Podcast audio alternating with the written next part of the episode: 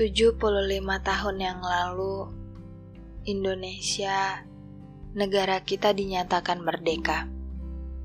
Dan sampai saat ini, sejarah sudah merangkumnya untuk kita ingat. Perjuangan para pahlawan untuk melawan para penjajah.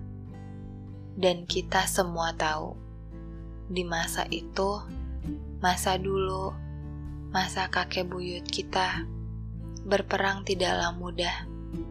Banyak yang dikorbankan.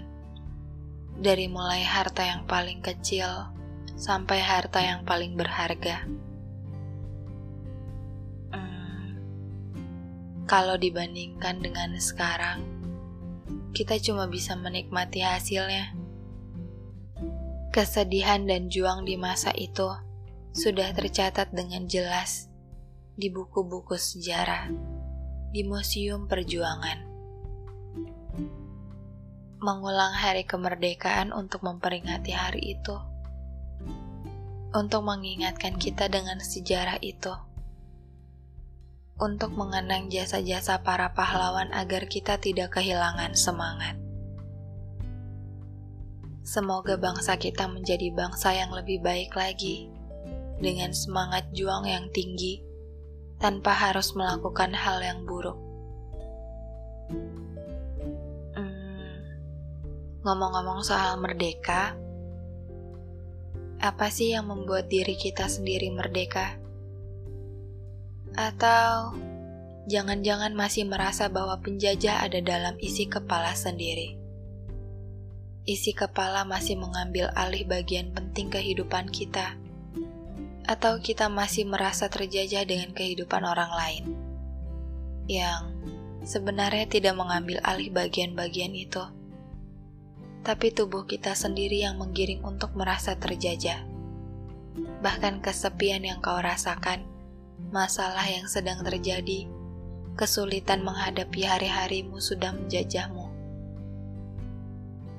Seringnya kita merasa bahwa kita punya kebebasan untuk memilih, untuk melakukan yang kita mau, untuk segala angan dan ingin, tapi ternyata memang gak mudah untuk melakukan itu. Kesulitan untuk benar-benar bisa mengerti apa yang hati mau dan isi kepala mau, membuat kita terjebak dengan rasa bingung. Mulai dari mana ya? Setelah ini, aku harus ngapain? Belum lagi rasa takut dengan pemikiran orang lain yang sedikit banyaknya itu mempengaruhi kehidupan kita. Takut diomongin orang lah, takut keluarga gak setuju lah, takut untuk bilang tidak saat seorang teman minta bantuan yang sebenarnya kita juga gak bisa ngelakuin hal itu. Bahkan isi kepala yang hampir tiap hari selalu bilang, Emang bisa? Palingan gagal. Dan kalau hal itu terus-menerus menjadi benteng pergerakan kita, kapan? Kapan kita akan merdeka dalam tubuh sendiri? Berperang melawan rasa takut, berperang melawan rasa kurang percaya diri, berjuang melawan masalah yang selalu ada. Itu nggak akan ada ujungnya. Jadi lakukan itu terus-menerus sampai kita merasa damai dengan mereka.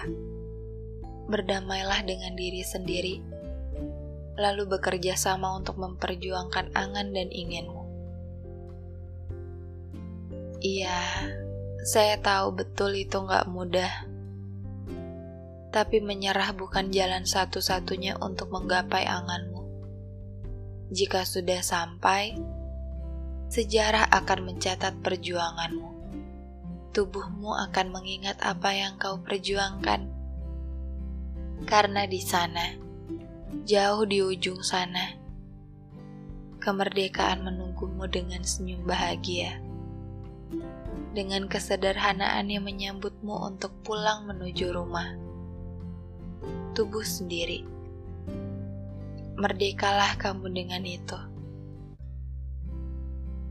Dan podcast kali ini akan saya tutup dengan puisi dari almarhum Eyang Sapardi. Begini ya si puisinya. kita berkata, "Jadilah." Dan kemerdekaan pun jadilah bagai laut.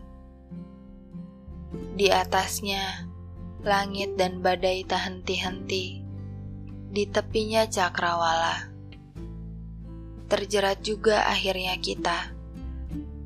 Kemudian adalah sibuk mengusut rahasia angka-angka sebelum hari yang ketujuh tiba.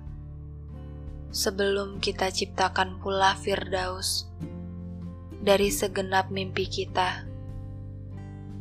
Sementara seekor ular melilit pohon itu, inilah kemerdekaan itu. Nikmatilah.